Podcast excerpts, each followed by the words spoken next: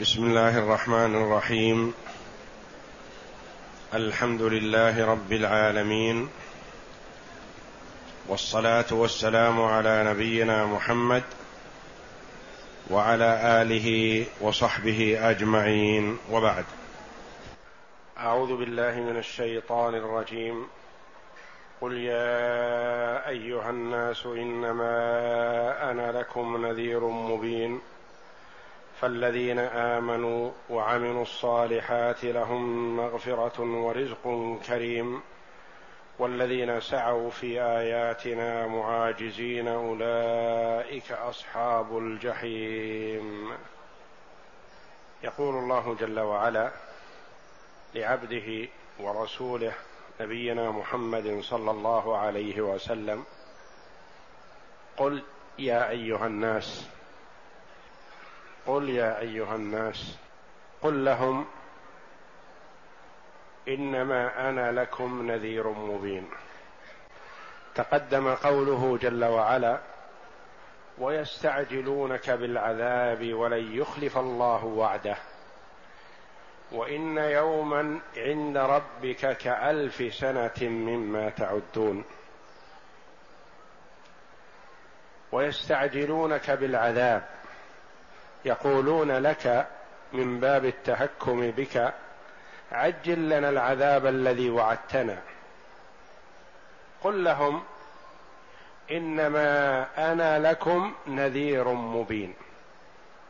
وظيفتي النذارة لكم والبشارة للمؤمنين بالسعادة. وأما العذاب والحساب وما يترتب على عملكم ومعصيتكم فهذا ليس إلي إنما هو إلى الله وحده لا شريك له. أنا وظيفتي البلاغ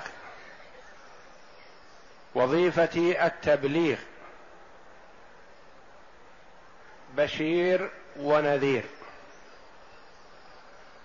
وجاء هنا بالنذارة فقط لأن الخطاب للناس والمراد بهم كفار قريش لأنهم هم الذين استعجلوا العذاب. فقال الله جل وعلا قل يا أيها الناس خطاب للناس عامة وإن كان سبب النزول لمخاطبة كفار قريش. لكن كما قال العلماء رحمهم الله العبرة بعموم اللفظ لا بخصوص السبب. فاللفظ عام هنا. للناس عامة يا أيها الناس إنما اداه حصر. إنما أنا لكم نذير منذر. أخوفكم بالعذاب وأما إيقاع العذاب فليس إلي. لا تسألوني شيئا ليس بيدي. لا تستعجلون العذاب من قبلي. فليس هذا إلي وإنما هو إلى الله جل وعلا.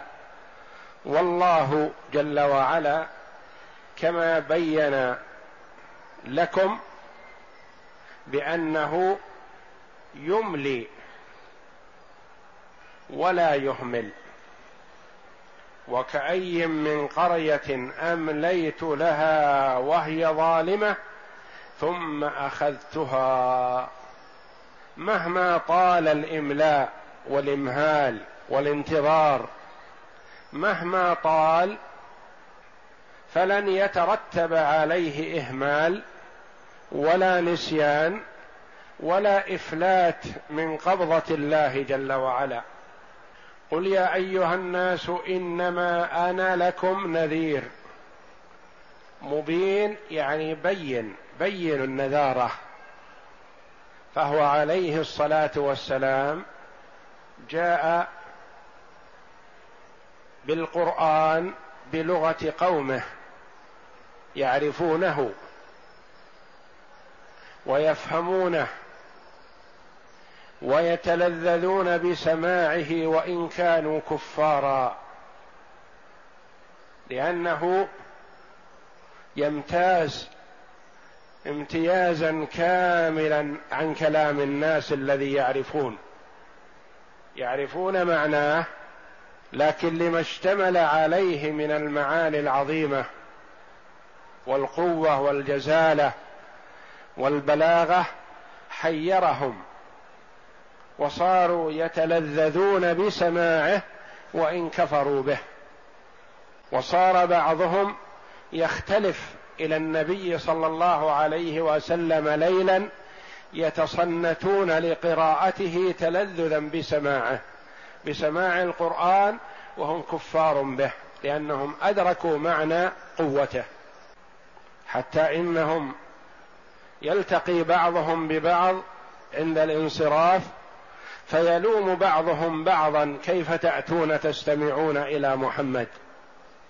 ثم يتواعدون ألا يأتوا لكن تجذبهم الرغبة في سماع القرآن فيختلفون مع ما وعدوا قومهم ويأتون ويستمعون ثم يتلاومون في النهاية. فالقرآن بين واضح يعرفون معناه ويعرفون ما اشتمل عليه. فهو عليه الصلاة والسلام أنذرهم بالقرآن وهو معجزته العظمى وهو أفضل معجزات الأنبياء.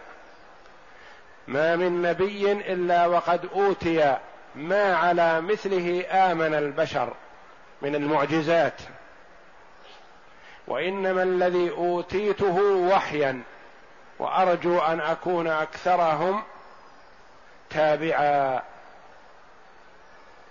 ومعجزة النبي صلى الله عليه وسلم خالدة. معجزات الأنبياء عليهم الصلاة والسلام تنتهي بنهاية النبي بموته أو رفعه بموت الأنبياء أو رفعه كما رفع عيسى بن مريم عليه السلام. تنتهي معجزته.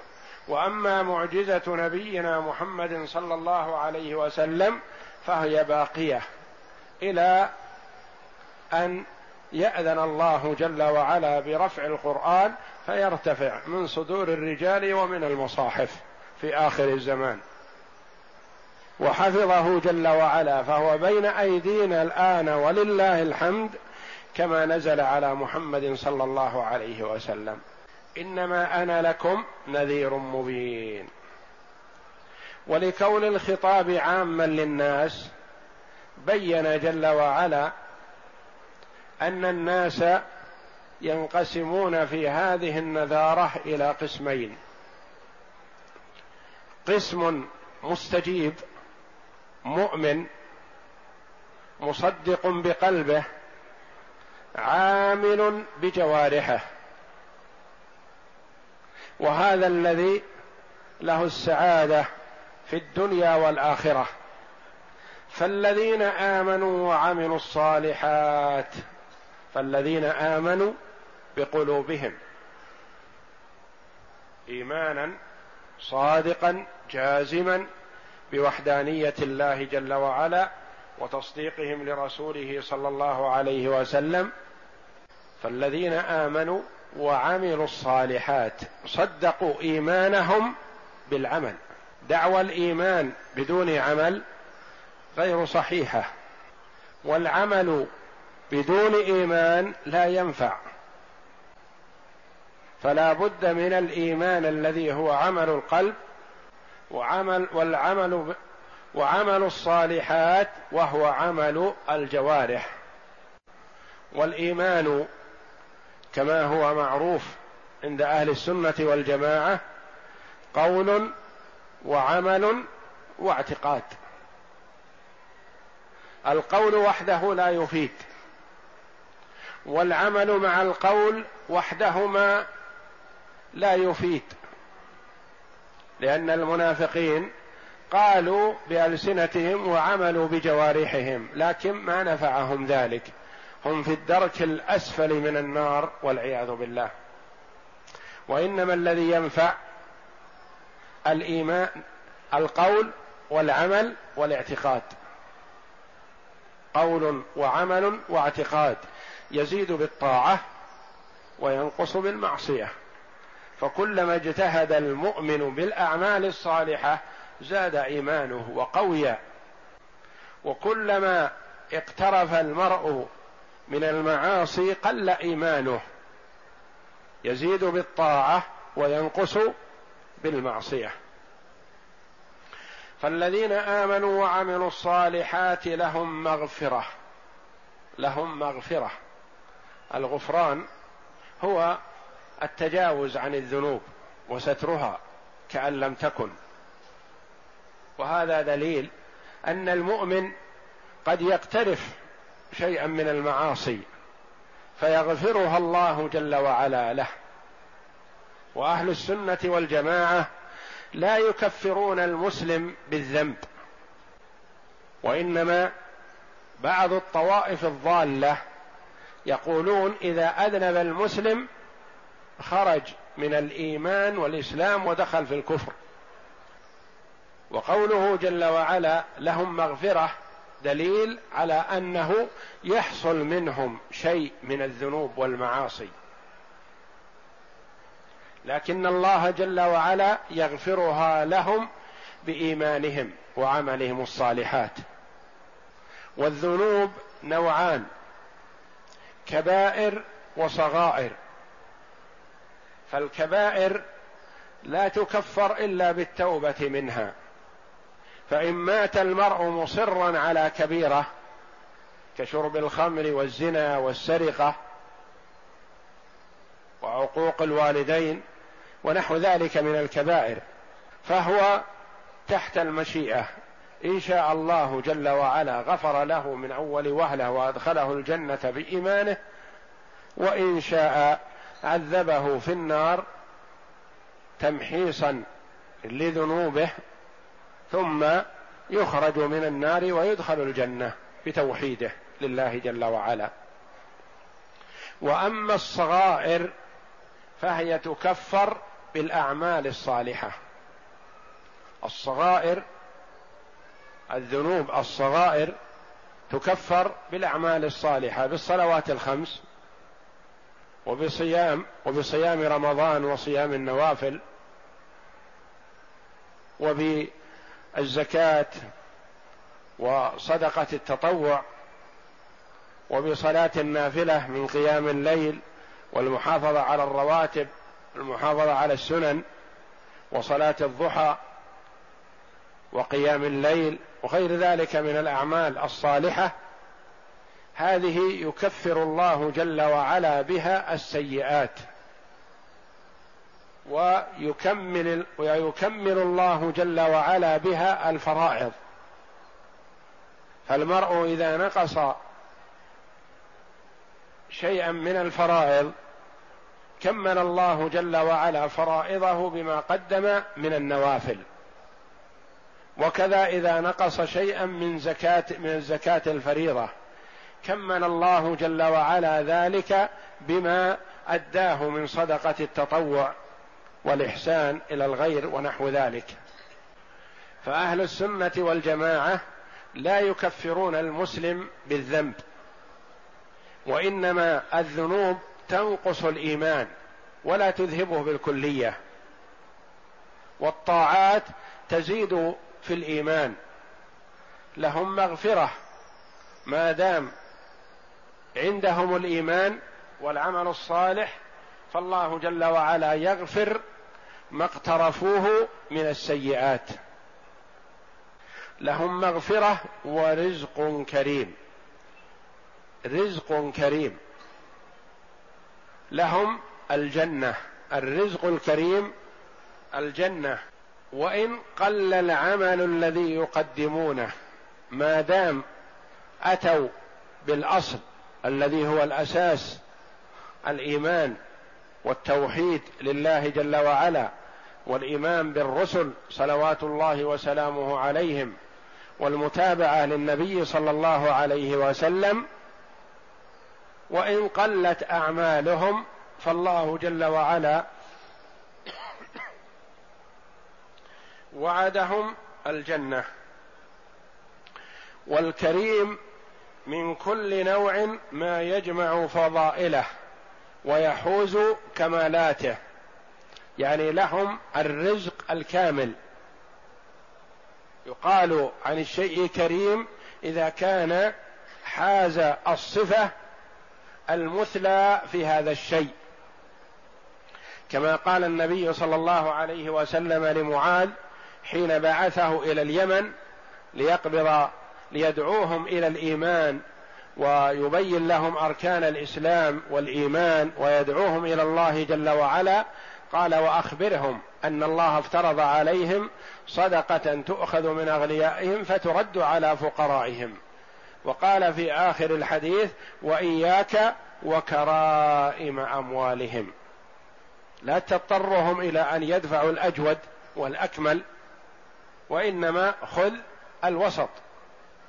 لا تأخذ الأعلى فتظلمهم ولا تأخذ الأقل فتبخس حق الله جل وعلا وإنما خذ من الوسط وإياك وكرائم أموالهم. لأن المرء إذا طلب منه الشيء الغالي النفيس عليه ربما بخل به وتوقف لكن يؤخذ منه من الوسط لا من الأدنى ولا من الأعلى. والكريم هو الشيء الذي أخذ الصفة العظمى في هذا الشيء. تقول هذا جمل كريم بمعنى عالي غالي الثمن.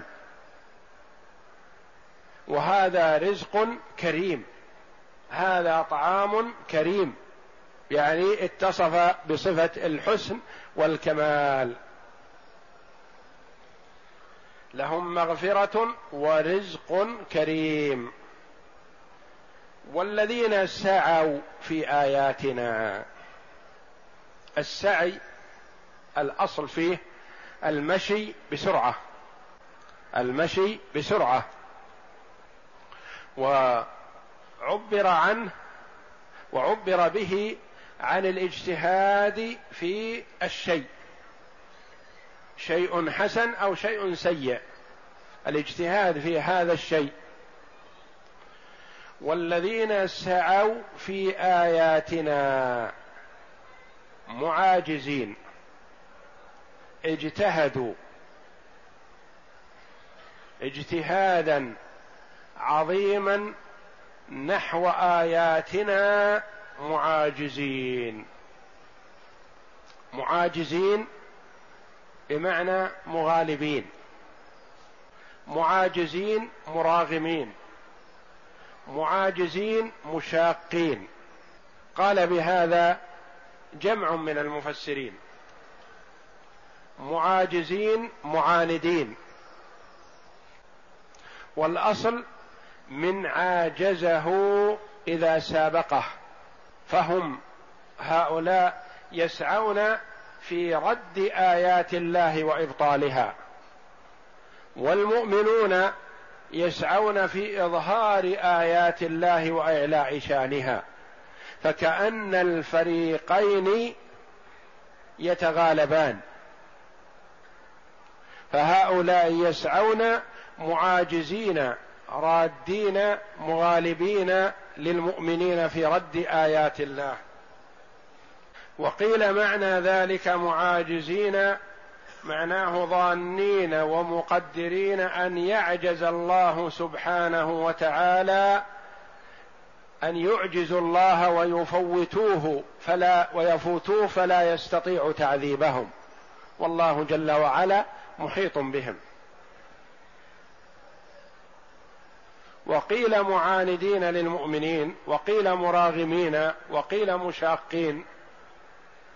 والمعاني هذه كلها متقاربة لأنهم هم يحاولون رد آيات الله يحاولون إبطالها يحاولون كتمها وعدم إظهارها يحاولون هذه الأشياء والله جل وعلا لا مغالب له ولا راد لما أراد فهو جل وعلا قادر على كل شيء. ما نتيجة مغالبتهم هذا هل تعود لهم بالمصلحة؟ لا والله. ولا ندرك شيئا من وراء ذلك. وإنما النتيجة هو مآلهم. ما يستحقونه على ذلك بقوله جل وعلا أولئك أصحاب الجحيم. والذين سعوا في آياتنا معاجزين أولئك أصحاب الجحيم. هذه النذارة والبشارة التي أرسل بها محمد صلى الله عليه وسلم. والذين سعوا في آياتنا بين نصيب المؤمنين وحقهم وثوابهم فقال الذين آمنوا وعملوا الصالحات لهم مغفرة ورزق كريم والذين سعوا في آياتنا معاجزين مغالبين أولئك أصحاب الجحيم. تعود نتيجة مغالبتهم وإعجازهم وردهم لآيات الله أنهم يكونون في الدار الآخرة في نار جهنم والعياذ بالله وبئس المصير. أولئك أصحاب يعني مآلهم ومردهم وهم الملازمون للجحيم التي هي النار المحرقة والعياذ بالله. وفي هذه الآية وفي هاتين الآيتين قيام الحجة من الله جل وعلا للعباد. وبيان وظيفة الرسول صلى الله عليه وسلم وأن الله جل وعلا أرسل الرسل وأنزل الكتب لدعوة الخلق إلى عبادته وحده. فالناس ينقسمون في هذه الدعوة إلى قسمين. قسم استجاب وآمن وصدق وعمل الصالحات فهؤلاء لهم مغفرة لما اقترفوا من السيئات. وهؤلاء ليسوا بمعصومين ويذنبون ولكن يغفر الله جل وعلا لهم ببركة توحيدهم. فالذين آمنوا وعملوا الصالحات لهم مغفرة ورزق كريم في الجنة. والذين سعوا في آياتنا معاجزين أولئك أصحاب الجحيم. والله أعلم. وصلى الله وسلم وبارك على عبده ورسول نبينا محمد وعلى آله وصحبه أجمعين.